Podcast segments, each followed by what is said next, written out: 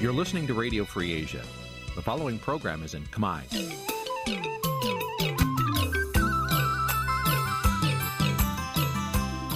Nǐ chi càm bi tiệp xáy vệt chiu a zì sáy.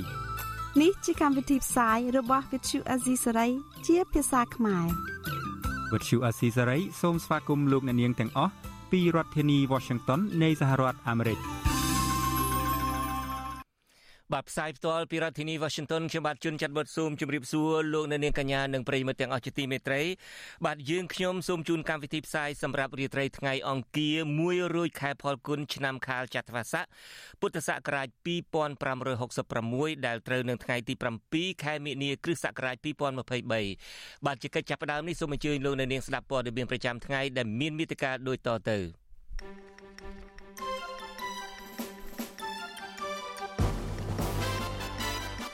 លោកហ៊ុនសែនបន្តប្រកាសតាមកម្ចាត់អ្នកនយោបាយណាដែលលោកចោទថាមើលងាយគ្រួសាររបស់លោកកោតក្រ Nagavel ប្រតិកម្មនឹងលោកហ៊ុនសែនដែលចោទថាពួកគេទទួលលុយដើម្បីធ្វើកោតកម្មតំណាងរាជអូស្ត្រាលីស្នើរដ្ឋាភិបាលរបស់ខ្លួនបិទទិដ្ឋាការឬវីសាដល់មន្ត្រីគណៈបកប្រជាជនកម្ពុជា លោកកឹមសន្តិភាព និងលោកហ៊ុនតូមិនឲ្យចូលប្រទេសអូស្ត្រាលី វេទិកាអ្នកស្ដាប់វិទ្យុអាស៊ីស្រីនារីត្រីនេះយើងនឹងពិភាក្សាសារគ្នាថាតើកត្តាអ្វីខ្លះដែលធ្វើឲ្យកម្ពុជានាំទំនិញចេញតិចជាងការនាំចូលបែបនេះរួមនឹងព័ត៌មានមួយចំនួនទៀត បាទជាបន្តទៅទៀតនេះខ្ញុំបាទជួនច័ន្ទបុតសូមជូនព័ត៌មានទាំងនេះពិស្ដាបាទលោកនាងកញ្ញាជាទីមេត្រីលោកនាយករដ្ឋមន្ត្រីហ៊ុនសែនគម្រាមកំហែងជាថ្មីម្ដងទៀតថានឹងតាមកំចាត់អ្នកនយោបាយណាដែលលោកចោទថាបានមើលងាយប្អូនស្រី និងគ្រួសាររបស់លោកបរោះខ្លាំងខាងប្រើអំពើហិង្សារូបនេះថែមទាំងប្រកាសទៀតថាលោកនឹងមិនប្រើចុងបិចលើកលែងទោសដល់ក្រុមអ្នកនយោបាយប្រឆាំងទាំងនោះឡើយអ្នកវិភាគនៅមន្ត្រីជាន់ខ្ពស់គណៈបកប្រឆាំងថាសាររបស់លោកហ៊ុនសែននេះពុំមានផលចំណេញដល់កម្ពុជាទេផ្ទុយទៅវិញវាបានត្រឹមតែធ្វើឲ្យជាតិបែកបាក់និងផ្ដល់គំរូអាក្រក់ដល់សង្គមជាតិបាទលោកអ្នកនាងនឹងបានស្ដាប់សេចក្តីរាយការណ៍អំពីរឿងនេះនាពេលបន្តិចទៀតនេះ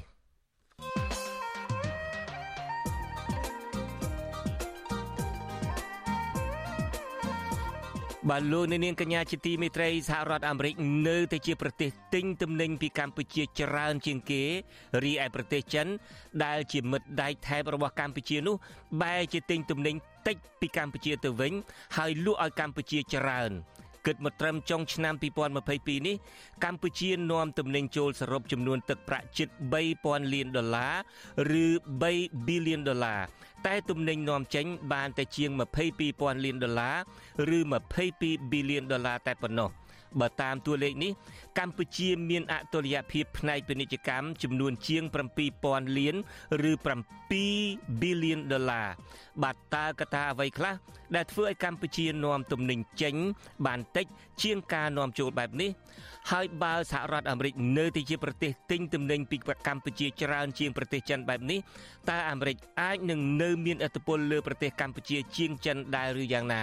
បាទសូមអញ្ជើញលោកអ្នកនាងរងចាំស្ដាប់នីតិវិទ្យាអ្នកស្ដាប់វិទ្យុអាស៊ីសេរីដែលនឹងចាប់ផ្ដើមនាពេលបន្តិចទៀតនេះដោយយើងមានវាគ្មិនកិត្តិយសជាអ្នកសេដ្ឋកិច្ចគឺលោកបណ្ឌិតសុកហាជបាទបើសិនជាលោកអ្នកនាងចង់ចូលរួមសូមលោកអ្នកនាងសរសេរលេខទូរស័ព្ទរបស់លោកអ្នកនាងដាក់ក្នុងខ្ទង់ comment ក្រុមការងាររបស់យើងនឹងហៅទៅលោកអ្នកនាងដើម្បីមកចូលរួមផ្ដល់យោបល់ឬមួយក៏សួរសំណួរដល់វាគ្មិនកិត្តិយសតែម្ដង បាទលោកនាងកញ្ញាជាទីមេត្រីក្រុមកោតក្រ Nagavel ច្រានចោលការចោតប្រកាន់របស់លោកនាយករដ្ឋមន្ត្រីហ៊ុនសែនដែលថាលោកមិនជឿថាការតវ៉ាជាមួយឆ្នាំរបស់កម្មករគ្មានការជួយឧបត្ថម្ភពីក្រោយខ្នងនោះទេ ពួកគេចាត់ទុកសារដ៏កម្ររបស់ប្រមុខរដ្ឋាភិបាលនេះថាជារឿងអយុត្តិធម៌និងលំអៀងទៅថៅកែចិន បាទលោកមានរិទ្ធនឹងមានសេចក្តីរាយការណ៍អំពីរឿងនេះជូនលោកនាងនាពេលបន្តិចទៀតនេះបាទលោកនាយករដ្ឋមន្ត្រីហ៊ុនសែនគម្រាមកំហែងជាថ្មីម្ដងទៀតថានឹងតាមកំចាត់អ្នកនយោបាយណា ដែលលោកចោទថាបានមើលងាយប្អូនស្រីនិងគ្រួសាររបស់លោកបរោះខ្លាំងខាងប្រើអំពើហិង្សារូបនេះថែមទាំងប្រកាសទៀតថាលោកនឹងមិនប្រើចុងបិចលើកលែងទោសដល់ក្រុមអ្នកនយោបាយប្រឆាំងនោះឡើយអ្នកវិភាគនិងមន្ត្រីជាន់ខ្ពស់បកប្រឆាំងថាសាររបស់លោកហ៊ុនសែននេះពុំមានផលចំណេញដល់កម្ពុជាទេផ្ទុយទៅវិញ វាបានធ្វើឲ្យជាតិបែកបាក់ និងផ្ដល់គំរូអាក្រក់ដល់សង្គមជាតិបាទលោកទីនហ្សាការីយ៉ាមានសេចក្តីរាយការណ៍អំពីរឿងនេះពីរដ្ឋធានី Washington លន់សានថ្លែងនៅចំពោះមុខបណ្ដាទូតបរទេសប្រចាំនៅកម្ពុជាថាលោកឈឺចាប់បំផុតដែលអ្នកនយោបាយមួយចំនួនបានប្រមាថសពអូនថ្លៃនិងគ្រូសាររបស់លោកកន្លងទៅខណៈលោកកំពុងតែកាន់ទុកលោកហ៊ុនសែនថ្លែងបែបនេះនៅក្នុងកម្មវិធីអបអរសាទរទិវានារីអន្តរជាតិ8មីនានៅរាជធានីភ្នំពេញ លោកហ៊ុនសែនក៏ទំនងជាចង់សម្ដៅដល់ប្រធានស្ដីទីគណៈបកសង្គ្រោះជាតិគឺលោកសំរងស៊ីលោកហ៊ុនសែនថាទោះបីជាស្ថិតនៅក្នុងស្ថានភាពណាក៏ដោយលោកមិនអត់ឱនដល់អ្នកនយោបាយបកប្រឆាំងដោយប្រមាថគ្រូសាររបស់លោកនោះឡើយ។ ដោយសារវាអាក្រក់ជ្រុលហួសគ្មានការយោគយល់ណាមួយដែលអាចធ្វើទៅរួចទេប្រសិនបើខ្ញុំយោគយល់ខ្ញុំមានតម្លៃស្មើនឹងដេរិឆាតដូច្នេះខ្ញុំមិនអាចធ្វើទេសូមកុំរងចាំសម័យថាហ៊ុនសែននឹងប្រើប៊ិចរបស់ខ្លួនដើម្បីចុះហត្ថលេខាសុំការលើកលែងទោសឲ្យជននេះឬជននោះកុំសម័យព្រោះវាអាក្រក់ជួយជាតិហួសពីសត្វធាតទៅទៀតខ្ញុំមិនអាចរងនៅការវាយប្រហារប្រតិកម្មរបស់លោកហ៊ុនសែនជាថ្មីទៀតនេះ ធ្វើឡើងដោយសារតែលោកបន្តខឹងលោកសំរងស៊ីដែលបានបង្ហោះសារនៅលើទំព័រ Facebook នៅថ្ងៃទី8កុម្ភៈថាលោកហ៊ុនសែនជាអ្នកសម្លាប់អតីតប្អូនថ្លៃរបស់ខ្លួនឈ្មោះកៅសមុទ្រកាលពីឆ្នាំ1596លោកកៅសមុទ្រគឺជាមន្ត្រីប៉ូលីសជាន់ខ្ពស់ក្រសួងមហាផ្ទៃនិងត្រូវជាប្តីដើមរបស់សពអ្នកស្រីប៊ុនសាមហឹងហៅប៊ុនសុថាដែលត្រូវជាប្អូនបង្កើតរបស់អ្នកស្រីប៊ុនរនីហ៊ុនសែនការបង្ហោះសាររបស់លោកសំរងស៊ីនេះ ក្នុងអំឡុងពេលលោកហ៊ុនសែនកំពុងតែកាន់ទុកប្អូនថ្លៃរបស់លោកគឺអ្នកស្រីប៊ុនសុថាតែទៅនឹងបញ្ហានេះអ្នកខ្លំមើលនយោបាយលើកឡើងថាការចេញមុខការពីគ្រូសាររបស់លោកហ៊ុនសែនជាបន្តបន្ទាប់នេះព្រោះលោកខ្លាចបាត់បង់ការគ្រប់គ្រងនិងប្រជាប្រិយភាពពីសំណាក់ប្រជាពលរដ្ឋស្របពេលដែលការបោះឆ្នោតខាត់ជិតមកដល់ទោះជាយ៉ាងណាអង្គការជាតិអន្តរជាតិបានរកឃើញថាក្រោមការដឹកនាំរបស់លោកហ៊ុនសែនជិត40ឆ្នាំមកនេះគឺលោកបានជាប់ជាមេដឹកនាំផ្ដាច់ការ តាមរយៈការរដ្ឋបတ်សារព័ត៌មានអាយក្រិចនិងការរំលាយបកប្រឆាំងធំជាងគេនៅកម្ពុជាគឺបកសង្គ្រោះជាតិជាដើមក្រៅពីនេះលោកក៏ជាប់ឈ្មោះជាមេដឹកនាំបាត់ដៃក៏ខ្វក់ដែរអ្នកជំនាញផ្នែកវិទ្យាសាស្ត្រនយោបាយលោកអែមសមរាមមើលឃើញថា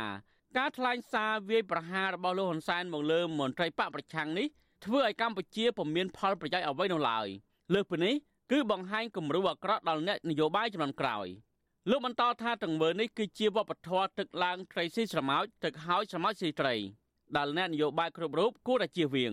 វាវិបាកនៅក្នុងស្ថានភាពលុះត្រាសង្គមមួយមានយុទ្ធធម៌មានប្រព័ន្ធយុទ្ធធម៌រងមាំទៅអាស្ថានភាពនៃការថ្មេះទេឌីលជេរគ្នាខ្ញុំគិតថាវាអាចកាត់បន្ថយបានដោយសារប្រព័ន្ធច្បាប់ល្អតែប្រព័ន្ធច្បាប់យើងនឹងវាក៏លក្ខណៈឲ្យអន្តភាពឲ្យទៅលើតែអ្នកមានអំណាចជាងពលរដ្ឋសាមញ្ញបាទចំណែកឯតំណាងរាជគណៈបកសង្គ្រោះជាតិលោកអ៊ុំសំអានវិញលើកឡើងថា ការថ្លែងរបស់លោកហ៊ុនសែនដែលអះអាងថាមិនលើកលែងទោសដល់អ្នកនយោបាយណាដែលប្រមាថដល់ក្រុមគ្រួសារលោកនោះដោយសារតែលោកហ៊ុនសែនខ្លាចបាត់បង់អំណាចនៅពេលដែលប្រជាពលរដ្ឋបានដឹងពីទង្វើអាក្រក់របស់លោកហ៊ុនសែនតាមរយៈការដឹកនាំបែបផ្ដាច់ការតែយ៉ាងណាលោកអ៊ុំសំអានថាលោកហ៊ុនសែនគួរតែគិតពីផលប្រយោជន៍ជាតិជាធំ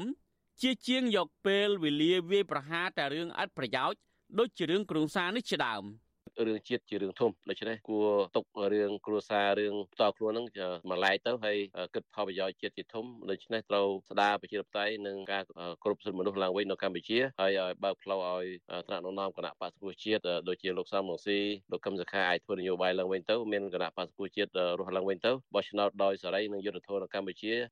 នៅខែកក្កដាខាងមុខទៅពេលហ្នឹងកម្ពុជានឹងលែងទទួលតនកម្មពីសហគមន៍អន្តរជាតិហើយនឹងទទួលបាន EBA 20%ឡើងវិញការវាយប្រហាររបស់លោកនាយករដ្ឋមន្ត្រីហ៊ុនសែនដោយមិនដល់ដៃនេះលោកសំរងស៊ីប្រធានស្ដីទីគណៈបកសង្គ្រោះជាតិក្នុងរយៈពេលប្រមាណខែចុងក្រោយនេះបានទម្លាយអក្រិតកម្មនានាដោយចោទចំចំថាលោកហ៊ុនសែនជាអ្នកសម្លាប់លោកជាវិជា និងដន្លងរបស់ខ្លួនគឺលោកហុកឡុងឌីដែលជាស្នាដៃកខ្វក់របស់លោកហ៊ុនសែនការលាតត្រដាងរបស់លោកសំរងស៊ីនេះខណៈដែលចំនួននយោបាយកាន់តែឡើងកម្ដៅចំណែកលោកហ៊ុនសែនវិញព្យាយាមរកគ្រប់វិធី ដើម្បីបិទផ្លូវនយោបាយរបស់លោកសំរងស៊ីតាមរយៈការប្រើប្រាស់អំណាចតុលាការតេឡេរបស់លោករីឯប្រជាពលរដ្ឋនិងសង្គមស៊ីវិលមួយចំនួនចង់ឃើញអ្នកនយោបាយចាស់វសាពីរូបនេះគួរតែរួបរวมគ្នានិងបង្កើតបបធរចរចាដោយសន្តិវិធី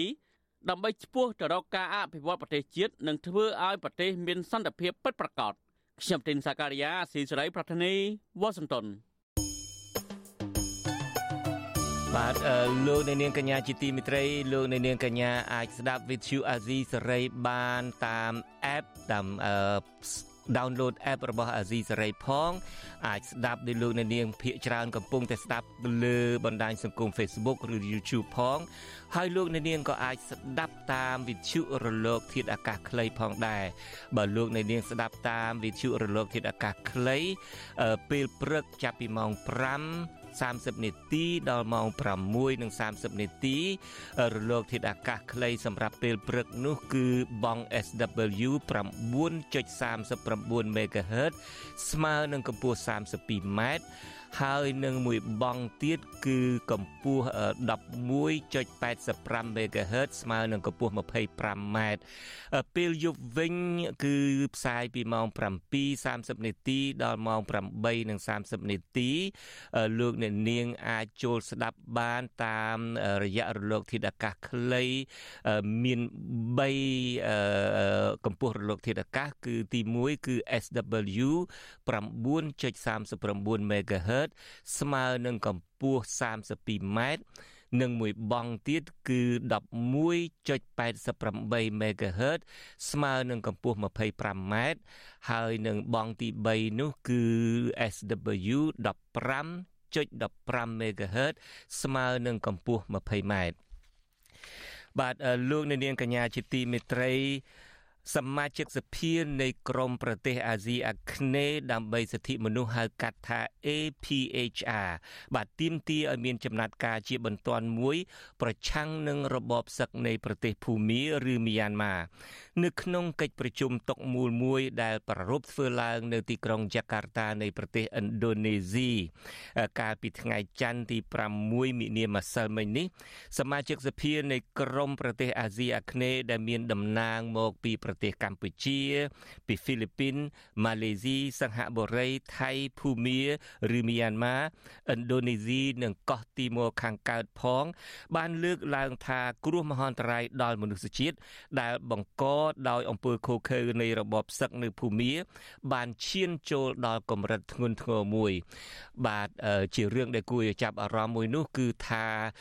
ក្រមសមាជិកសភាអាស៊ីអាគ្នេយ៍នេះនៅតែទទួលស្គាល់តំណាងរាស្ត្ររបស់គណៈបកសង្គ្រោះជាតិគឺអ្នកស្រីមូសុខហួរដើម្បីឲ្យចូលរួមនៅក្នុងកិច្ចប្រជុំនេះផងតើកិច្ចប្រជុំនេះបាននិយាយអ្វីខ្លះពាក់ព័ន្ធដល់ប្រទេសភូមាតើគេបានចាប់អារម្មណ៍ទៅនឹងស្ថានភាពនៅប្រទេសកម្ពុជាឬមួយក៏យ៉ាងណា បាទនាពេលបន្តិចទៀតនេះខ្ញុំបាទនឹងមានបទសម្ភាសផ្ទាល់តែម្ដងជាមួយអ្នកស្រីមូសុខហួរ បាទសូមអញ្ជើញលោកអ្នកនាងរងចាំតាមដានស្ដាប់បទសម្ភាសន៍នេះនាពេលបន្តិចទៀតនេះពីប្រទេសអូស្ត្រាលីឯនោះវិញសមាជិកសហព័ន្ធសភាសហព័ន្ធអូស្ត្រាលីលើកឡើងចំចំពីការជ្រៀតជ្រែករបស់រដ្ឋាភិបាលលោកហ៊ុនសែនចូលក្នុងសហគមន៍ខ្មែរនៅប្រទេសអូស្ត្រាលីនិងស្នើសុំឲ្យរដ្ឋាភិបាលអូស្ត្រាលីបិទទិដ្ឋាការឬវីសាមិនឲ្យមន្ត្រីជាន់ខ្ពស់រដ្ឋាភិបាលមួយចំនួន ដែលគេនិយាយឈ្មោះចំចំតែម្ដង មានលោកកឹមសន្តិភាពនិងក្មួយប្រុសបង្កើតរបស់លោកហ៊ុនសែនគឺលោកហ៊ុនតូជាដើមមិនអោយចូលប្រទេសអូស្ត្រាលីតទៅទៀតតំណាងសហគមន៍ខ្មែរស្វាគមន៍ការលើកឡើងរបស់តំណាងរាស្ត្រអូស្ត្រាលីព្រោះពួកគេថាក្រមមន្ត្រីរដ្ឋាភិបាលរបស់លោកហ៊ុនសែនពិតជាគំរាមកំហែងនិងចូលមករៅឆានសហគមន៍តាមរយៈការប្រើប្រាស់បណ្ដាញបណ្ដាញពង្រីកឥទ្ធិពលរបស់ខ្លួន បាទនាពេលបន្តិចទៀតនេះលោកអ្នកនាងនឹងបានស្ដាប់សេចក្តីរាយការណ៍ផ្ទាល់មាត់តែម្ដងពីអ្នកឆ្លើយឆ្លងព័ត៌មានរបស់អាស៊ីសេរីប្រចាំតំបន់អាស៊ីប៉ាស៊ីហ្វិកដែលមានមូលដ្ឋាននៅទីក្រុងមែលប៊ននៃប្រទេសអូស្ត្រាលីគឺលោកថាថៃឡើងមករាយការណ៍ជូនលោកអ្នកនាងបាទឥឡូវនេះអ្នកស្រីសុជីវីមានសេចក្តីរាយការណ៍មួយតាក់ទងទៅនឹងសកម្មជនសហជីពនិងពលរដ្ឋមានចំនួនដីធ្លីជំរុញឲ្យក្រសួងការងារគោរពសិទ្ធិស្ត្រីពង្រឹងការអនុវត្តច្បាប់ឲ្យមានតម្លាភាពដើម្បីទប់ស្កាត់ ការរំលោភបំពានសិទ្ធិស្ត្រី ការលើកឡើងនេះគឺបន្ទាប់ពីរដ្ឋមន្ត្រីក្រសួងការងារលោកអ៊ិតសំហេងថ្លែងក្នុងទិវាអន្តរជាតិស្ត្រីអន្តរជាតិកាលពីថ្ងៃទី6មិនិនាថាស្ត្រី គឺជាកម្លាំងចលករសំខាន់ក្នុងការរួមចំណែក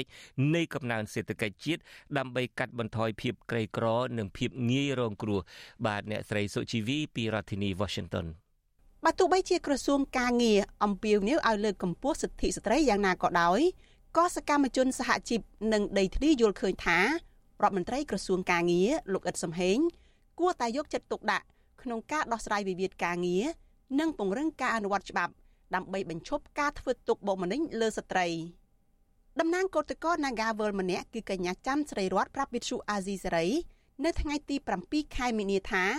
ការលើកឡើងរបស់រដ្ឋមន្ត្រីក្រសួងកាងារដែលថាយកចិត្តទុកដាក់ទៅលើស្ត្រី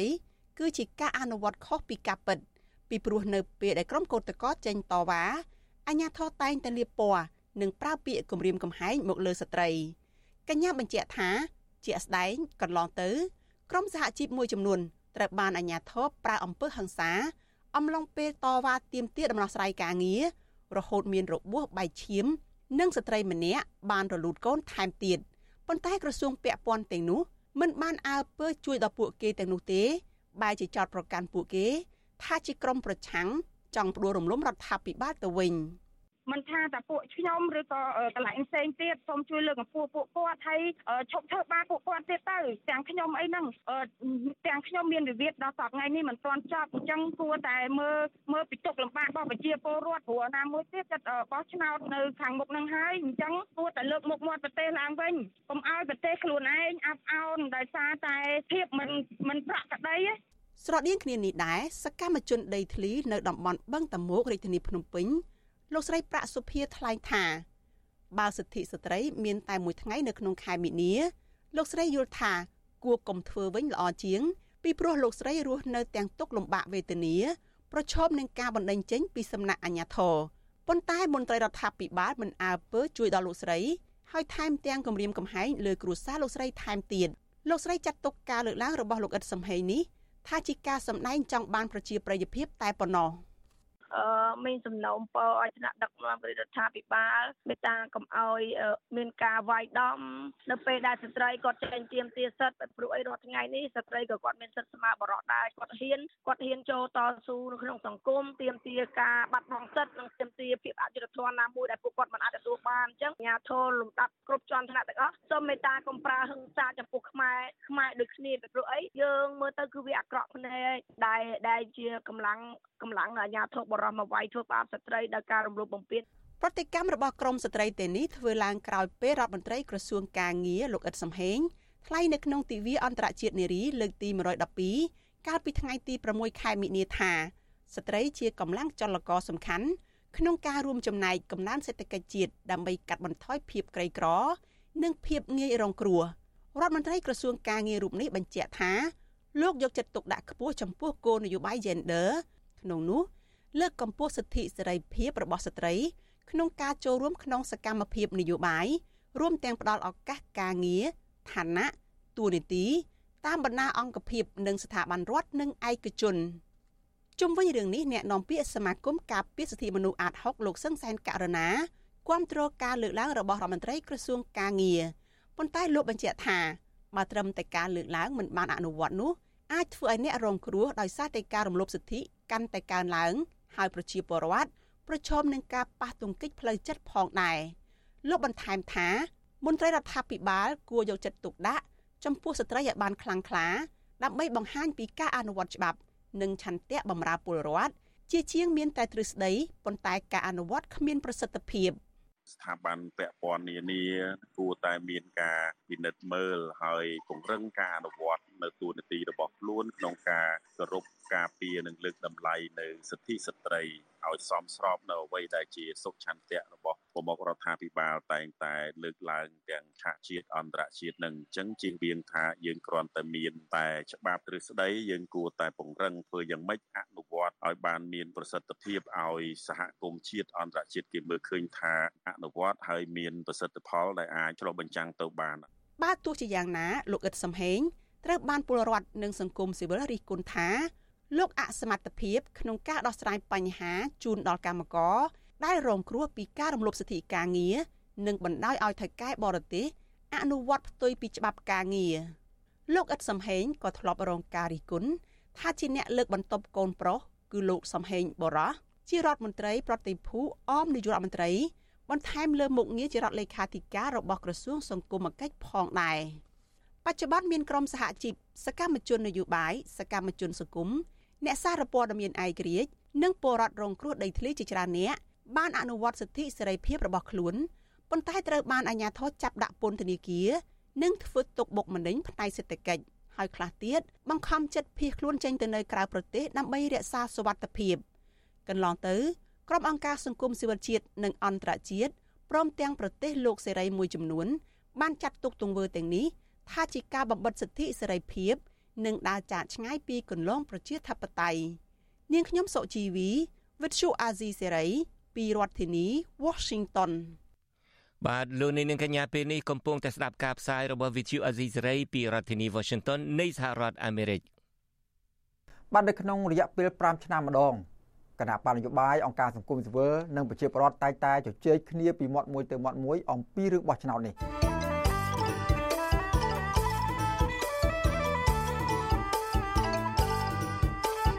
បាទសូមជម្រាបសួរអស់លោកអ្នកនាងកញ្ញាទាំងអស់ជាទីមេត្រី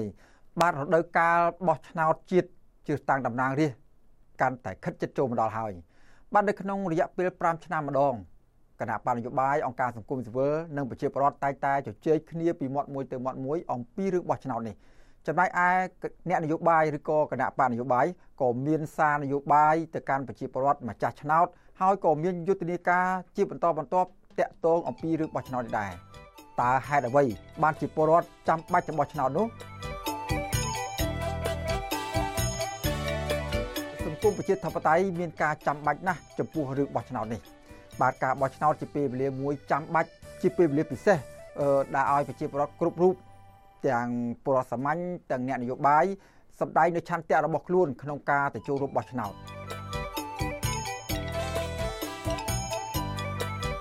ការបោះឆ្នោតដើម្បីជ្រើសរើសមេដឹកនាំដែលខ្លួនពេញចិត្តស្របទៅតាមច្បាប់ជាតិនិងអន្តរជាតិបាទការបោះឆ្នោតដើម្បីប្រាស្រ័យសិទ្ធិជាម្ចាស់វាសនាអនាគតរបស់បុគ្គលម្នាក់ម្នាក់និងសហគមន៍របស់ខ្លួននិងជាម្ចាស់ប្រទេសជាតិបាទការបោះឆ្នោតគឺជាការផ្ដល់ឱកាសមួយដល់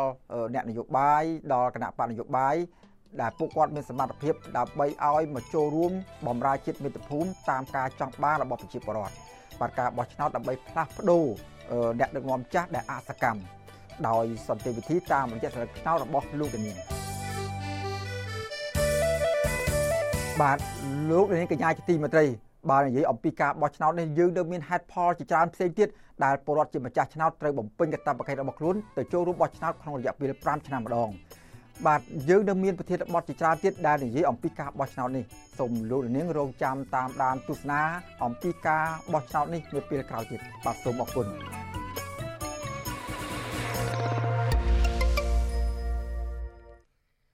បាទលោកអ្នកនាងដែលមិនធ្លាប់ស្គាល់ប្រវត្តិរបស់លោកសេកបណ្ឌិតលោកអ្នកនាងប្រហែលជាគិតថាលោកស្គាល់លោកអ្នកនាងស្គាល់លោកសេកបណ្ឌិតតែលើការផ្សាយរបស់វិទ្យុអាស៊ីសេរីតាមពិតលោកសេកបណ្ឌិត មានជំនាញជា អ្នកល្ខោននិយាយរៀនចប់ពីសាកលវិទ្យាល័យវិចិត្រសិល្បៈផ្នែកល្ខោនជាតិបន្ទាប់មកទៀតលោកចូលធ្វើការនៅវិទ្យុសម្លេងវិជាធិបតេយ្យឈ្មោះវិទ្យុ VOD ដែលគេទើបតែនឹងបិទនេះ ហើយលោកក៏មានជំនាញច្រើនណាស់តាក់ទងទៅដល់នីតិអប់រំប្រជាពលរដ្ឋ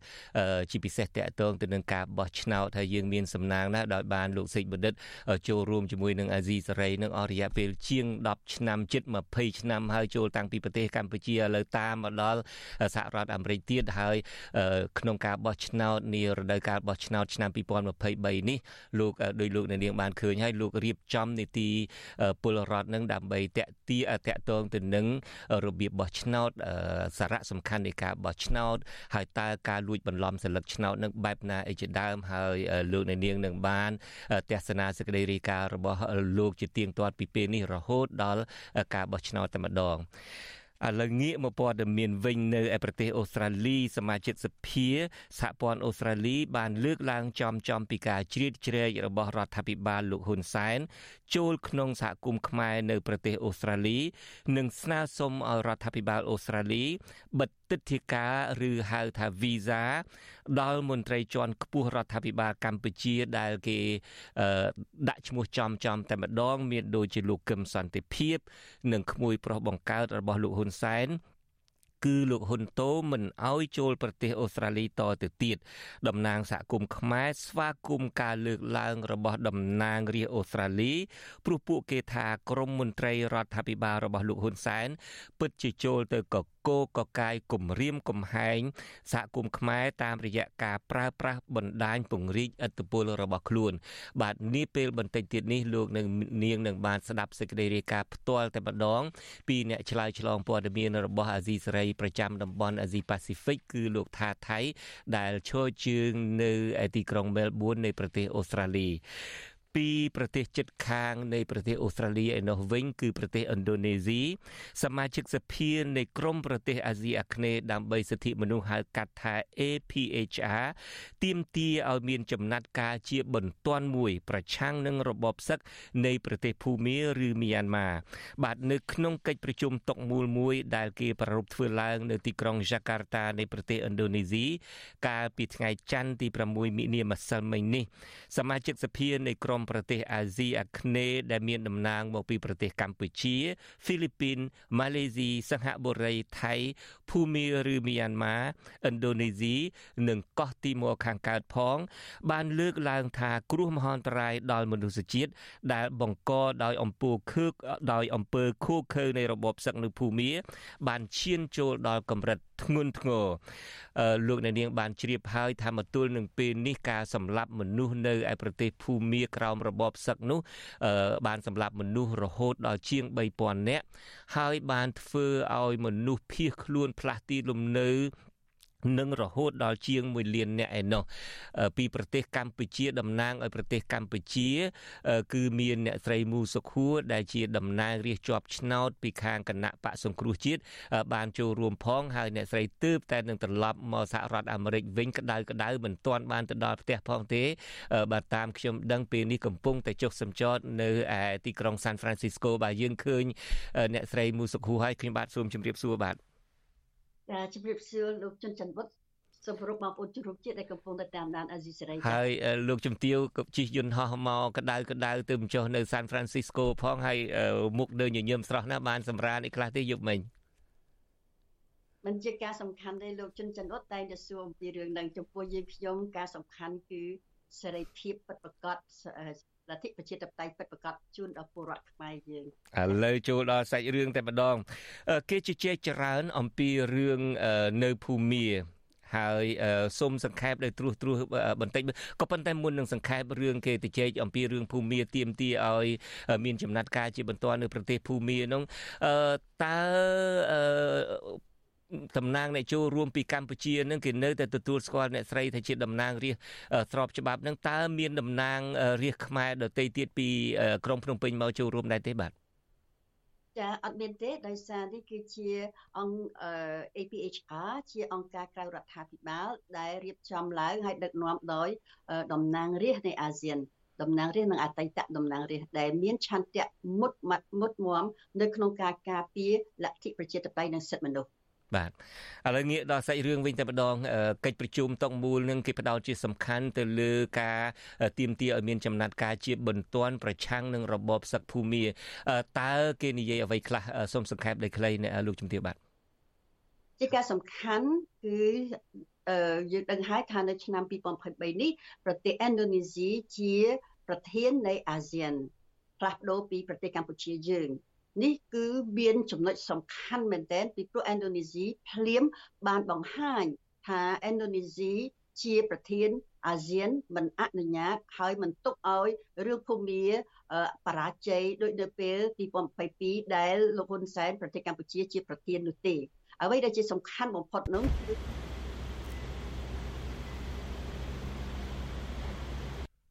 គ្នាដែរ ប្រ៊ុណៃក៏ហើយនៅហ្វីលីពីនគេឯកភាពគ្នាថាគេនឹងរឿងភូមានេះគេមិនមិនអោតភូមាធ្វើជាយកអាស៊ានជាចំណាត់ខ្មាំងទេ គេអាចឈានរហូតទៅដល់ការដកភូមាចេញពីគឺយោធាយោធាភូមាហើយយោធាចេញពីអាស៊ានផងអ្វីដែលជាការសំខាន់ធំមួយទៀតនោះគឺថា គេមិនអនុញ្ញាតជាដាច់ខាតឲ្យបន្តនៅការបង្ហូរឈាមហើយរហូតដល់ការបលាយពូជសាសន៍ទេគេនឹងរកវិធីសាស្ត្រផ្សេងយន្តការផ្សេងពីអាស៊ានដើម្បីចាត់ការដោះស្រាយបញ្ហាភូមិជាបន្ទាន់ បាទអឺចាត់ការនឹងបើតាមខ្ញុំឮលោកជំទាវមានប្រសាសន៍មិញគឺថាអាចនឹងចាត់ការដកសមាជិកភាពរបស់ភូមាចេញពីអាស៊ានតើមានចំណាត់ការអីទៀតទេ ចំពោះការជិះជាន់ការកាប់សម្លាប់ការធ្វើឲ្យមនុស្សផ្លាស់ទីលំនៅអីជាដើមហ្នឹងបាទចាអឺសំខាន់មួយទៀតគឺគេទទួលស្គាល់ដូចជាខាងម៉ាឡេស៊ីឥណ្ឌូនេស៊ីគេទទួលស្គាល់រដ្ឋាភិបាលឯកអឺអឺ របស់លោកស្រីអងសាំស៊ូឈីបាទចារដ្ឋាភិបាលសមោលនៅក្រៅប្រទេសបាទចាអឺហើយសំខាន់បំផុតនោះគេទៀមទាគេនឹងចាត់ការឲ្យជំនួយទាំងឡាយជូនទៅដល់ប្រទេសកម្ពុជាភូមាជាអ្នកជាពិសេសអ្នកដែលកំពុងតែរងគ្រោះនៅរាប់លានអ្នកនោះដែលនៅក្នុងព្រំប្រទល់ថៃនៅប្រទេសថៃនោះគឺជំនួយនេះគេមិនអោយទៅតាម យោធាទេរដ្ឋាភិបាលសពថ្ងៃនេះមិនស្របច្បាប់នៃយោធាទេគេនឹងច្រានទៅឲ្យតាមរយៈអង្គការក្រៅរដ្ឋាភិបាលដែលដឹកនាំដោយពលរដ្ឋភូមានិងរដ្ឋាភិបាលលោកអឹកស្រីអងសាំស៊ូជីជា តែម្ដងចា៎បាទអឺទន្ទឹមនឹងមានកិច្ចប្រជុំនៅទីក្រុងយ៉ាកាតានៃក្រុមសមាជិកសភាអាស៊ីអាគ្នេយ៍ដើម្បីសិទ្ធិមនុស្ស APHR នេះព្រឹត្តិការណ៍នៅប្រទេសកម្ពុជាក៏អ្នកស្រីបានដឹងហើយទើបតែមានការបិទវិទ្យុសម្លេងប្រជាធិបតេយ្យបន្ទាប់មកទៀតនឹងកាត់ទោសលោកប្រធានគណៈបកសង្គ្រោះជាតិកឹមសុខានឹងឲ្យជាប់ពន្ធនាគារ27ឆ្នាំពីបទខុបខិតជាមួយជនបរទេសជាមួយរដ្ឋបរទេសហើយបទក្បត់ជាតិអីជាដើមតើគេមានលើកយកមកមានកង្វល់អីលើកមកជាផ្លូវការទេឬមួយក៏នៅក្រៅកិច្ចប្រជុំនឹង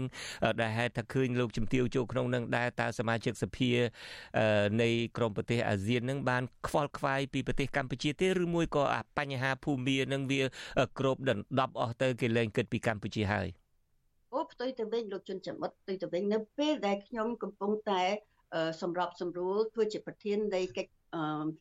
ចជជែក នៅពីរឿងភូមិគឺថ្ងៃច័ន្ទទី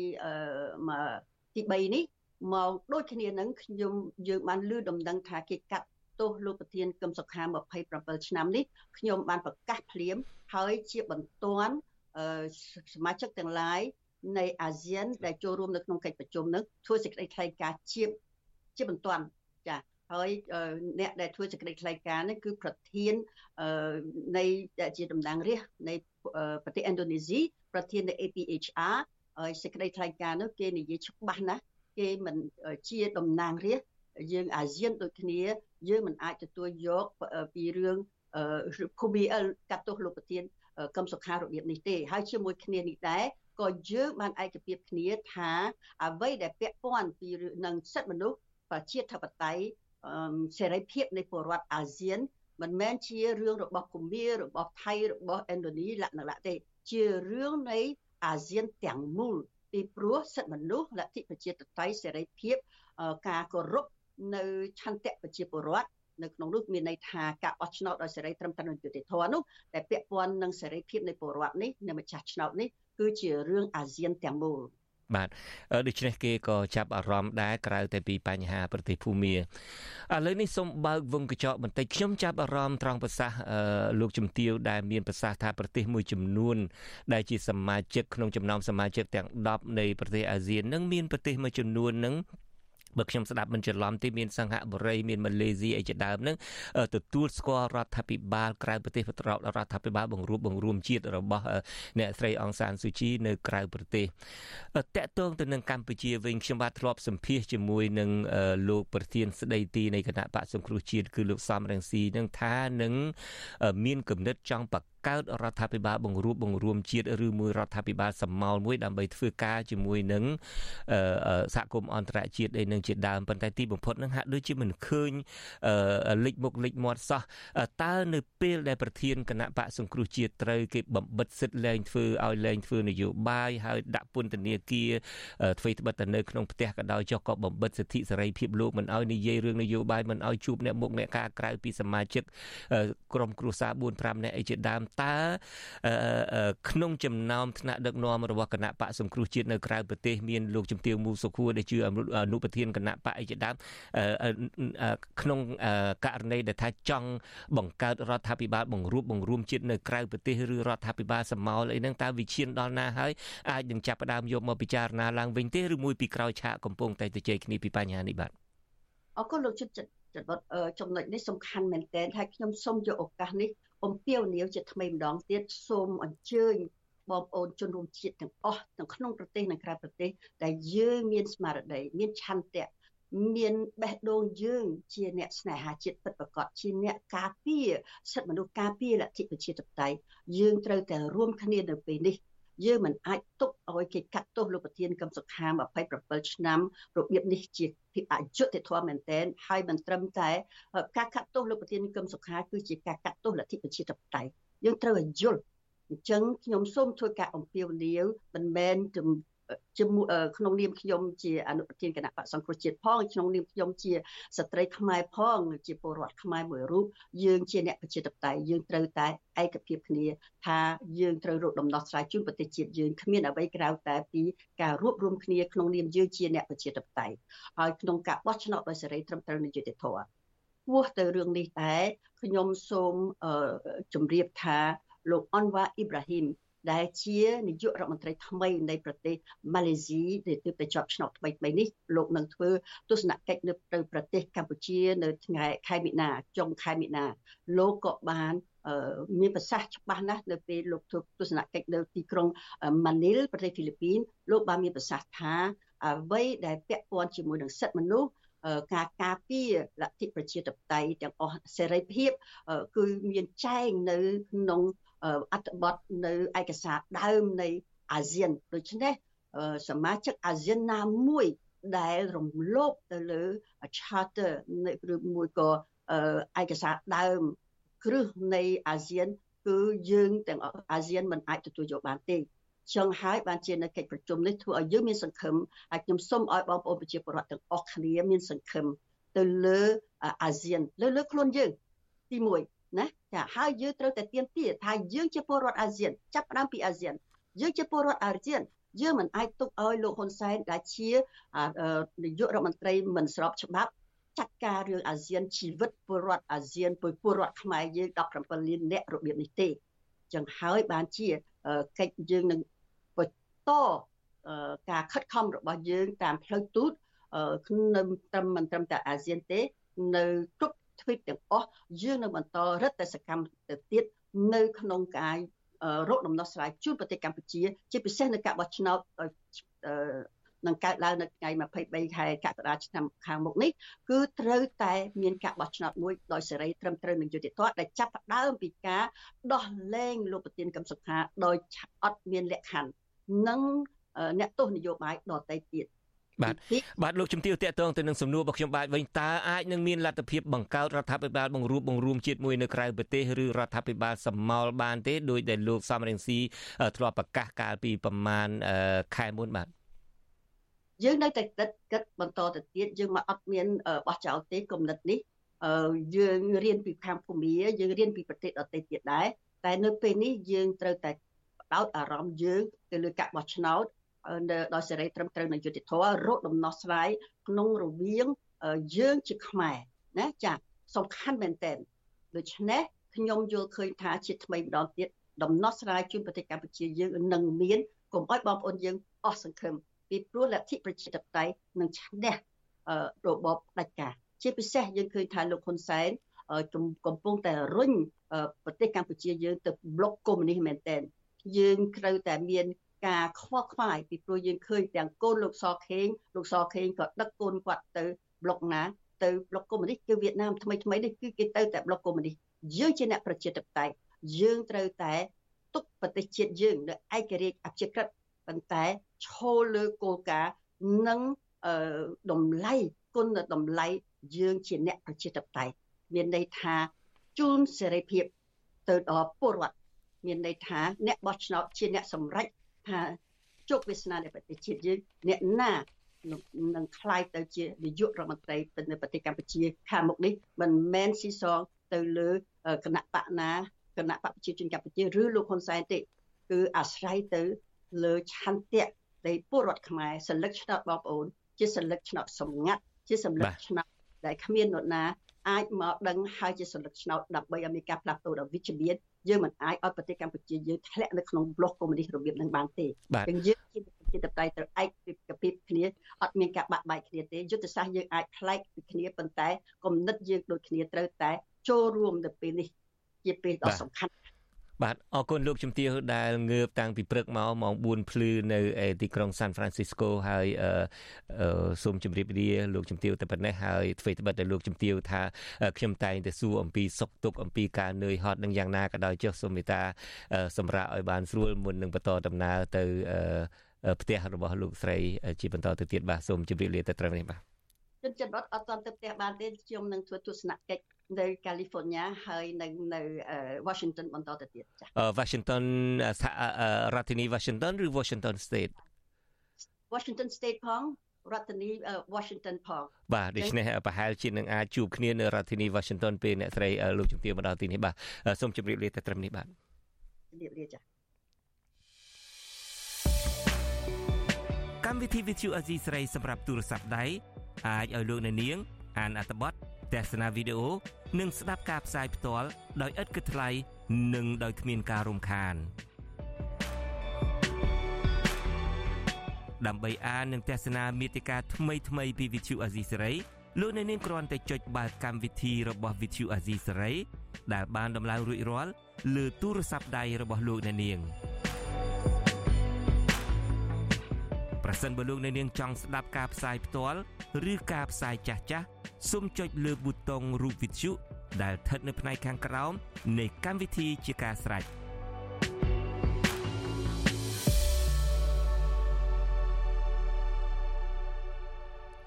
បាទលោកអ្នកនាងបានជ្រាបហើយក្រៅពីស្ដាប់វិទ្យុអាស៊ីសេរីនៅលើវិទ្យុរលកធាតុអាកាសខ្លីស្ដាប់តាម Facebook ឬ YouTube លោកអ្នកនាងបើមិនទាន់បាន download app របស់អាស៊ីសេរីទេសូមមេត្តានាំគ្នា download app របស់អាស៊ីសេរីនេះដើម្បីស្ដាប់ការផ្សាយផ្ទាល់ក៏បានទស្សនាវីដេអូក៏បានឬមួយក៏អានព័ត៌មានក៏បានឬមួយក៏ស្ដាប់កម្មវិធីផ្សាយរបស់យើងដែលផ្សាយរួចហើយតែលោកអ្នកនាងចង់បកស្ដាប់ឡើងវិញក៏បានដែរសូមមេត្តាអញ្ជើញនាំគ្នា download app របស់ Azizi Saray ដើម្បី ធ្វើឲ្យលោកអ្នកនាងងាយស្រួលក្នុងការតាមដានការផ្សាយរបស់យើង បាទដែលហេតុថាថ្ងៃអង្គារនេះជាថ្ងៃដែលយើងមាននីតិវិទ្យាអ្នកស្ដាប់វិទ្យុអាស៊ីសេរីនាពេលបន្តិចទៀតនេះខ្ញុំបាទនឹងមានបទសម្ភាសផ្ទាល់មួយទៅជែកពិភាក្សាជាមួយនឹងលោកបណ្ឌិតសុកហាជតកតងទៅនឹងអតុល្យភាពនៃជញ្ជីងពាណិជ្ជកម្មរបស់កម្ពុជា គឺថាគេរកឃើញថាកម្ពុជា នៅតែនាំទំនិញចូលមកច្រើនជាងការនាំទំនិញចេញទៅក្រៅប្រទេស ដែលគេចាត់ទុកថាជាអតុល្យភាពនៃជញ្ជីងពាណិជ្ជកម្មហើយប្រទេសដែលនាំទំនិញបានច្រើន ជាងគេមកដល់ពេលនេះគឺសហរដ្ឋអាមេរិកហើយចំណែកឯប្រទេសចិនដែលជាមិត្តដៃថែបរបស់កម្ពុជាវិញ បែរជានាំទំនិញចូលទៅប្រទេសចិននឹងបានតិចជាងទៅវិញក៏ប៉ុន្តែទន្ទឹមនឹងនោះចិននាំទំនិញយកមកលក់នៅប្រទេសកម្ពុជាមានចំនួនច្រើន ជាងការដែលប្រទេសកម្ពុជា ចូលនាំទំនិញចូលទៅប្រទេសចិនតើមានមូលហេតុអ្វីខ្លះដែលធ្វើឲ្យកម្ពុជា នៅតែនាំទំនិញចូលមកពីប្រទេសក្រៅមានចំនួនច្រើនគិតជាទឹកប្រាក់នឹងរហូតទៅដល់មានអតុល្យភាពនៃជញ្ជីងពាណិជ្ជកម្មនឹងរហូតទៅដល់ម្ដុំ7 7000លានដុល្លារសហរដ្ឋអាមេរិកគឺគេហៅម្យ៉ាងទៀតថា7 billion សហរដ្ឋអាមេរិកបាទបន្តិចទៀតនេះខ្ញុំបាទនឹងមានកិច្ចពិភាក្សា អំពីរឿងនេះនៅក្នុងនីតិវិទ្យាអ្នកស្ដាប់វិទ្យុអាស៊ីសេរីក៏ប៉ុន្តែពេលនេះយើងមានអ្នកឆ្លើយឆ្លងព័ត៌មានរបស់អាស៊ីសេរីប្រចាំតំបន់អាស៊ីប៉ាស៊ីហ្វិកដែលមានមូលដ្ឋាននៅទីក្រុងមែលប៊ននៃប្រទេសអូស្ត្រាលី គឺលោកថាថៃឡើងមករាយការណ៍ជូនលោកអ្នកនាងអំពីសភាដំណើររាស្ត្រនៃប្រទេសអូស្ត្រាលីបានស្នើទៅរដ្ឋាភិបាលនៃប្រទេសអូស្ត្រាលី កុំឲ្យចេញវីសាឬមួយកុំឲ្យចេញទិដ្ឋាការនឹងទៅដល់មន្ត្រីនៃគណៈបកប្រជាជនកម្ពុជាដែលគេឲ្យឈ្មោះហៅឈ្មោះចំចំតែម្ដង មានលោកកឹមសន្តិភាពមានលោកហ៊ុនតូដែលជាក្មួយបង្កើតរបស់លោកនាយករដ្ឋមន្ត្រីហ៊ុនសែនជាដើម ពីព្រោះគេចោទថាគឺក្រមមន្ត្រីក្រាក់ក្រាក់ជាដៃជើងលោកហ៊ុនសែននឹងហើយចូលមកគំរាមកំហែងដល់ប្រជាពលរដ្ឋខ្មែរនៅឯប្រទេសអូស្ត្រាលីនេះតែម្ដងដូច្នេះសូមអញ្ជើញលោកថាថៃតែម្ដងជម្រាបសួរថាថៃបាទបាទសូមជម្រាបសួរលោកជុនច័ន្ទបុតនិងសូមជម្រាបសួរដល់ប្រិយមិត្តអ្នកស្ដាប់ផងបាទ បាទអឺសភាសមាជិកសភាសហព័ន្ធអូស្ត្រាលីនឹងគឺលោក Julian Hill នឹង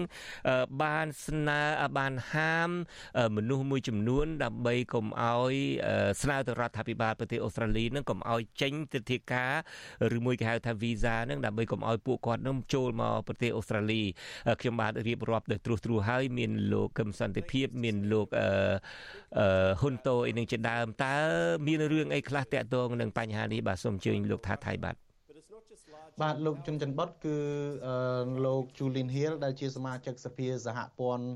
មកពីគណៈបកពលករដែលកំពុងដឹកនាំរដ្ឋាភិបាលហ្នឹងគឺថាបានចេញសេចក្តីថ្លែងបានចេញថ្លែងការណ៍មួយ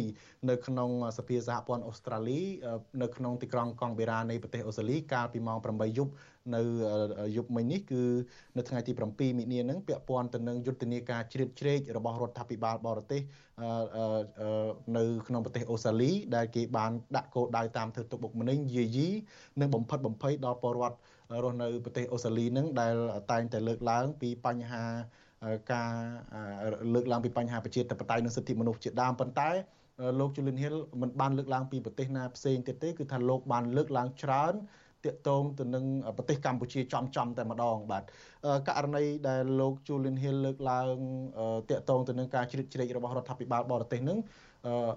នៅចុងបញ្ចប់នៃសេចក្តីថ្លែងការណ៍របស់លោក គឺលោកបានស្នើឲ្យមនុស្សស្នើរដ្ឋាភិបាលអូស្ត្រាលីនឹងឲ្យដាក់ចេញនៅចំណាត់ការបិទទឹកតការឬក៏មិនផ្ដល់វីសាឲ្យមន្ត្រីរដ្ឋាភិបាលមួយរូបគឺលោកកឹមសន្តិភាពដែលលោកកឹមសន្តិភាព គឺជាលោកនាងប្រហែលជាបានជ្រាបហើយថាលោកមានតួនាទីសំខាន់មួយក្រៅពីតួនាទីជាមន្ត្រីជាន់ខ្ពស់នៅក្រសួងយុតិធម៌គឺជាមន្ត្រីជាន់ខ្ពស់គឺជាប្រធានក្រុមប្រធានអង្គការចាត់តាំងគណៈបកប្រជាជនកម្ពុជា នៅប្រចាំប្រទេសអូស្ត្រាលីនិងប្រទេស Novel Novel Zealand បាទហើយលោកតែងតែចេញចូលប្រទេសអូស្ត្រាលីជាញឹកញាប់ដើម្បីដឹកនាំក្រមការងារគណៈបកប្រជាជនកម្ពុជាមកពង្រីកឥទ្ធិពលនៅក្នុងប្រទេសអូស្ត្រាលីនេះចោះជួបប្រជាពលរដ្ឋខ្មែរហើយជាស្ដែងគឺបានធ្វើការពិពេថ្មីថ្មីហ្នឹងគឺតាក់ទងទៅនឹងខួប7មករាអីជាដើមហើយបុគ្គលមួយរូបទៀតហ្នឹងគឺជាក្មួយប្រុសរបស់លោកហ៊ុនសែនតែម្ដងគឺលោកហ៊ុនតូលោកហ៊ុនតូគឺ លោកនាងក៏បានស្គាល់ហើយថាលោកគឺជាមនុស្សដែលមានគេឈ្មោះល្បីណាស់នៅក្នុងសង្គមមួយហ្នឹងប៉ុន្តែក៏មានគេឈ្មោះល្បីរឿងអាស្រូវជាច្រើនតាក់ទងទៅនឹងអំពើឬក៏មុខរបររបស់លោកដែលតាក់ទងនឹងមុខចំនួនបែបទៅចរិតនឹងបាទហើយលោកខុនតូគឺជាមនុស្សម្នាក់ដែលកំពុងរស់នៅក៏តែងតែចេញចូលប្រទេសអូស្ត្រាលីដើម្បីប្រើប្រាស់ជីវិតប្រើប្រាស់ឡានទំនើបហឺហានិងមានទ្រព្យសម្បត្តិ រាប់សិបលានដុល្លារនៅក្នុងប្រទេសអូស្ត្រាលីជាមួយនឹងភរិយារបស់លោកដូច្នេះហើយទើបលោក Julian Hill បានស្នើសុំឲ្យមានរដ្ឋាភិបាលអូស្ត្រាលីនឹងដាក់វិធានការមួយគឺថាហាមចេញទឹកតការឲ្យបុគ្គលពីរនេះតទៅទៀតប៉ុន្តែលោកមិនបានបញ្ជាក់ថាតើតើនឹងដាក់បន្តទៅបុគ្គលណាខ្លះទៀតទេប៉ុន្តែនៅក្នុងរដ្ឋសភាដែលលោកលើកឡើងហ្នឹងគឺថាបុគ្គលពីរនាក់នេះបាទ ហើយមូលហេតុដែលលោក Julian Hill បានលើកឡើងក្នុងការសូមបើកវងកញ្ចក់បន្តិចលោកនាងកញ្ញាអាស៊ីសេរីនឹងក៏ធ្លាប់រៀបរាប់ពីប្រវត្តិរបស់លោកកឹមសន្តិភាពដែរថៃក៏ប្រហែលជាបានឮដែរយ៉ងច័ន្ទតារាបានស្រាវជ្រាវប្រវត្តិរបស់លោកកឹមសន្តិភាពនេះប្រសិនបើលោកអ្នកនាងចង់ស្ដាប់អឺ ប្រវត្តិរបស់លោកកឹមសន្តិភាពនេះលោកនាងអាចចូលទៅលើគេហទំព័ររបស់ Vithu Azizi សេរីបានដែលមានអាសយដ្ឋានដោយក្រុមការងាររបស់យើងដាក់នៅលើកញ្ចក់នេះអញ្ចឹងគឺ kh www.rfa.org/ គឹមសន្តិភាពគឺឈ្មោះលោកគឹមសន្តិភាពតែម្ដងដោយសរសេរមិនដកឃ្លាបាទជាថ្មីម្ដងទៀត kh.rfa.org/ គឹមសន្តិភាពលោកអ្នកនាងនឹងបានស្វែងយល់ច្រើនថាតើលោកគឹមសន្តិភាពនេះមានស្នាដៃអ្វីខ្លះសម្រាប់គណៈបកប្រជាជនកម្ពុជា មានទ្រព្យសម្បត្តិបែបណាខ្លះក្នុងរយៈពេលដ៏ខ្លីដែលបានคลายខ្លួនជាកូនប្រសាររបស់លោកជាមយាបដែលជាមន្ត្រីជាន់ខ្ពស់ ពស់របស់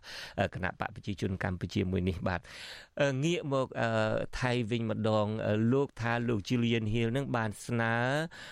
ឲ្យកុំឲ្យចេញវីសាឬមួយទិដ្ឋាការនឹងទៅឲ្យលោកកឹមសន្តិភាព ទៅឲ្យលោកហ៊ុនតូអីជាដើមខ្ញុំមានសំណួរ2មុននឹងមានសំណួរដតីទៀតទី1តើមានប្រសិទ្ធភាពយ៉ាងណាដែរទេ ចំពោះសំណើរបស់សមាជិកសភា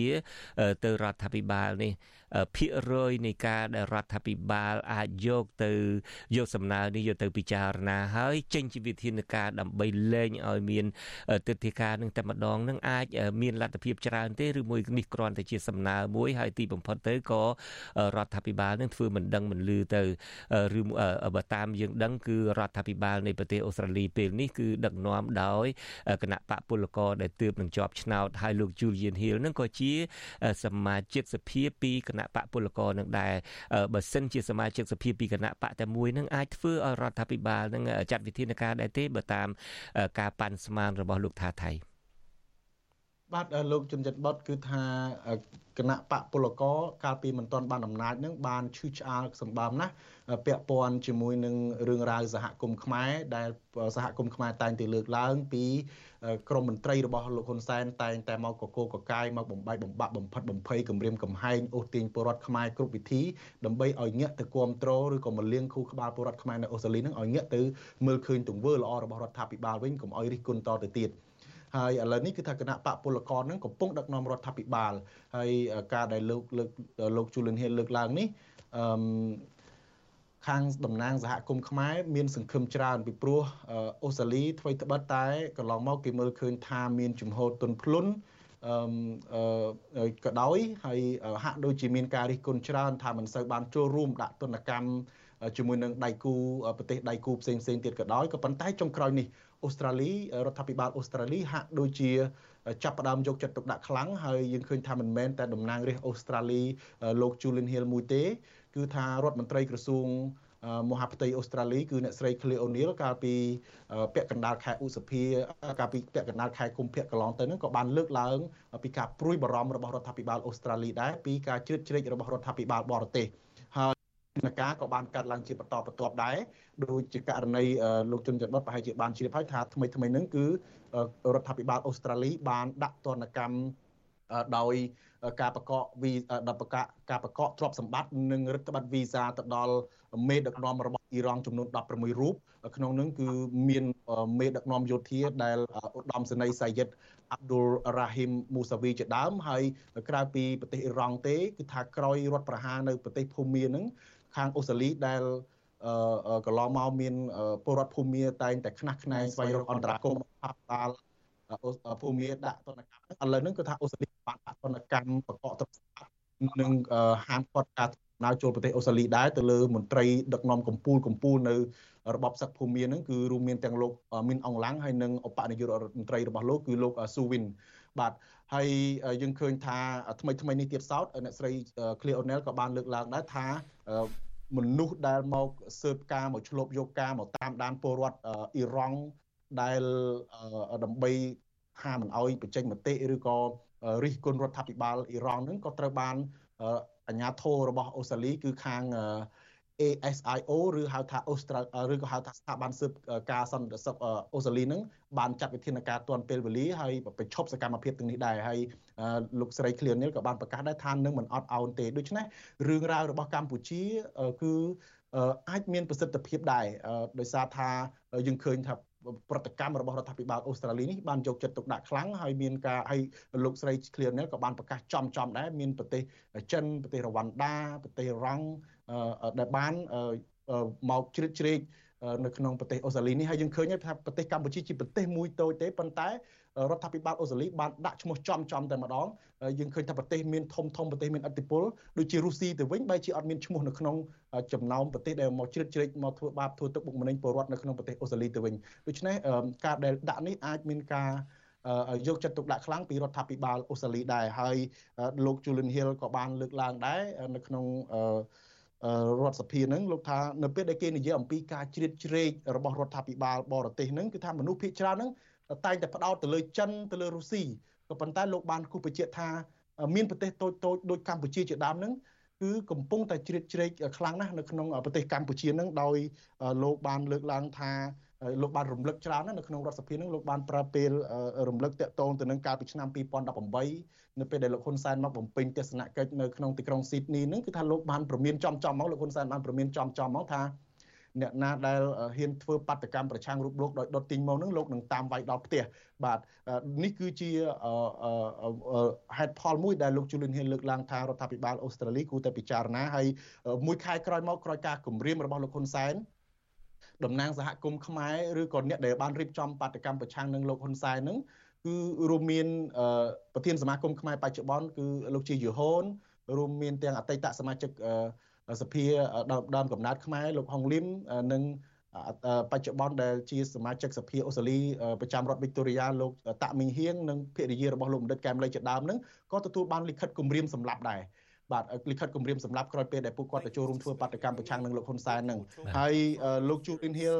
បានលើកឡើងចំចំថាលិខិតគម្រាមសម្រាប់នេះត្រូវបានគេរាយការណ៍ថាចេញពីប្រភពមនុស្សម្នាក់ដែលជាសមាជិករបស់គ្រូសាលោកហ៊ុនសែននោះគឺជាក្មួយប្រុសរបស់លោកហ៊ុនសែនតែម្ដងគឺលោកហ៊ុនតូដែលនៅពេលនោះប៉ូលីសអូស្ត្រាលីបានចុះទៅសួរនាំអំពីករណីលិខិតគម្រាមសម្លាប់នេះបាទហើយលើសពីនេះនឹងលោក ជូលីនហ៊ីលក៏បានលើកឡើងដែរថាលោកហ៊ុនតូនឹងគួរតែត្រូវបានចាប់ខ្លួនតាំងពីឆ្នាំ2មកម្លេះដោយសារថាលោកហ៊ុនតូនឹងធ្លាប់អឺត្រូវបានគេរកឃើញថាមានការរត់ពន្ធគ្រឿងញៀនហេរ៉ូអ៊ីនចូលប្រទេសអូស្ត្រាលីដោយបង្កប់នៅក្នុងឈើដែលគេវាយតម្លៃថាមានទឹកប្រាក់ប្រមាណ1000លានដុល្លារនៅក្នុងមួយឆ្នាំមួយឆ្នាំបាទអឺតំណាងរាជអូស្ត្រាលីដដែលនឹងលោកជូលីនហ៊ីននឹងក៏បានលើកឡើងដែរថាលោកហ៊ុនតូនិងប្រពន្ធរបស់លោកគឺអ្នកស្រីថៃជេគីនឹង មានទ្រព្យសម្បត្តិរាប់លានដុល្លារដែលកំពុងរស់នៅសោយសុខក្នុងប្រទេសអូស្ត្រាលីនឹងប៉ុន្តែគ្មានប្រភពណាមួយបញ្ជាក់ឬក៏គ្មានការបញ្យល់ណាមួយស្របច្បាប់ថាតើលុយទាំងអស់នេះទ្រព្យសម្បត្តិទាំងអស់នេះបានមកពីណាទេក៏ប៉ុន្តែលោក Julian Hill បានផ្ដល់ចម្លើយយ៉ាងសាមញ្ញមួយថាมันមានអ្វីដែលអាចលាក់បាំងទេគឺលោកហ៊ុនតូបានល្បីឈ្មោះរួចទៅហើយថាលោកជាអ្នករកស៊ីគ្រឿងញៀនលោករកស៊ីពាក់ព័ន្ធទៅនឹងការកាប់បំផ្លាញព្រៃឈើការជួញដូរសត្វព្រៃរួមមានទាំង ការបើកបនលបែងខុសច្បាប់ហើយនឹងរួមមានទាំង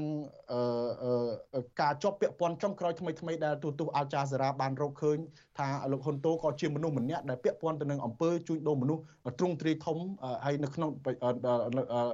របៀបលំដាប់អន្តរជាតិផងដែរបាទក្រៅពីនឹងទេគឺថាលោកហ៊ុនតូក៏ធ្លាប់ត្រូវបានតំណាងរាជបកប្រឆាំងពីររូបដែលត្រូវបានគេវាយធ្វើបាបវាយដំឲ្យរងរបួសធ្ងន់នៅមុខរដ្ឋសភា ក៏បានចោទប្រកាន់ថាអង្គរៈលោកហ៊ុនតូនេះឯងប្រហែលជាលោករនាងបានចាំហើយថាការដែលតំណាងរាជបកប្រឆាំងពីររូបត្រូវបានគេវាយជន់ស្ទើរស្លាប់នៅមុខរដ្ឋសភានឹងគឺតំណាងរាស្ត្រនឹងក៏បានចោទប្រកាន់ថាអង្គរៈរបស់លោកហ៊ុនតូនឯងជាប់ពាក់ព័ន្ធទៅនឹងការវិដំតំណាងរាស្ត្ររបស់បកប្រឆាំងនៅពេលនោះហើយក៏ប៉ុន្តែលោកហ៊ុនតូមិនដែលមានផលវិបាកអ្វីឡើយលោកជូលីនហ៊ីលបានលើកឡើងថាមិនមានផលវិបាកដោយសារតែលោកហ៊ុនតូ ជាមេជើងកាងហើយជាក្មួយប្រុសរបស់បរោះខ្លាំងនៅកម្ពុជាគឺលោកហ៊ុនសែនដូច្នេះជនរងគ្រោះអាចនឹងមិនហ៊ានប្តឹងទេពីព្រោះពួកគាត់សិតតែបារម្ភអំពីសវត្ថភាពជាពិសេសដូចជាពលរដ្ឋខ្មែរនៅអូស្ត្រាលីជាដើមហ្នឹងគឺពួកគាត់ព្រួយបារម្ភអំពីសវត្ថភាពសាច់ញាតិរបស់ពួកគាត់ដែលនៅឯប្រទេស កម្ពុជាឬក៏នៅឯប្រទេសកំណើតបាទដូច្នេះលោកជូលីនីលថានេះគឺជាបញ្ហាមួយដែលពលរដ្ឋខ្មែរមួយចំនួននឹងមិនហ៊ានចេញមុខប្តឹងមន្ត្រីក្រមមន្ត្រីរបស់លោកហ៊ុនសែនឬក៏សាច់ញាតិរបស់លោកហ៊ុនសែនពាក់ព័ន្ធទៅនឹងការធ្វើទុកបុកម្នេញនោះទេបាទលោកជូលីនហ៊ីលក៏បានលើកឡើងដែរថា ជាទូទៅពលរដ្ឋខ្មែរដែលរងការរិះគន់លោកហ៊ុនសែនជាសាធារណៈឬក៏អ្នកដែលចូលរួមជាមួយនឹងក្រុមប្រឆាំងឬក៏អ្នកដែលគេបង្ខំឲ្យទៅចូលរួមនៅក្នុងពិធីឃោសនានយោបាយរបស់គណៈបកប្រជាជនកម្ពុជានៅប្រទេសអូស្ត្រាលីនឹងលោកហ៊ុនសែន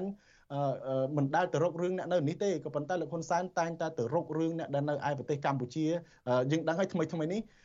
សម្ដីរបស់លោកជូលីនហៀននឹងក៏ស៊ីសង្វាក់នឹងការដែលលើកឡើងជាក់ស្ដែងពីលោកហ៊ុនសែនផ្ទាល់ដែរប្រហែលចុងក្រោយនេះលោកថាអ្នកនៅក្រៅស្រុកធ្វើអីមិនបានក៏ឲ្យទៅរកម៉ែឪនៅក្នុងស្រុកដែរហើយអ្នកនៅក្នុងស្រុកលោកមិនឲ្យរត់រួចខ្លួននោះទេបាទនេះជាការគម្រាមចំចំពីលោកហ៊ុនសែនតែម្ដងបាទហើយលោកហ៊ុនតូក៏លោកជូលីនហៀននឹងក៏បានលើកឡើងដែរថាពាក់ព័ន្ធទៅនឹងអឺ យុទ្ធសាស្ត្រគៀងគោនេះគឺជាការព្រួយបារម្ភបំផុតយុទ្ធសាស្ត្ររបស់លោកហ៊ុនសែនដែលមកពង្រឹងអំណាចនៅអូស្ត្រាលីនេះគឺជាការព្រួយបារម្ភបំផុតហើយជាក់ស្ដែងកាលពីខែមករាកន្លងទៅនឹងគឺថាលោកគឹមសន្តិភាពបានដឹកនាំមន្ត្រីរបស់លោកមកពង្រឹងគ្រប់មកមករៀបចំពិធីជ័យជំនះ7មករាថៃសូមកាត់ថៃបន្តិចសិនពីព្រោះថាយើងដល់ម៉ោងបញ្ចប់ការផ្សាយនៅលើរលកធាតុអាកាសខ្លីហើយខ្ញុំបាទ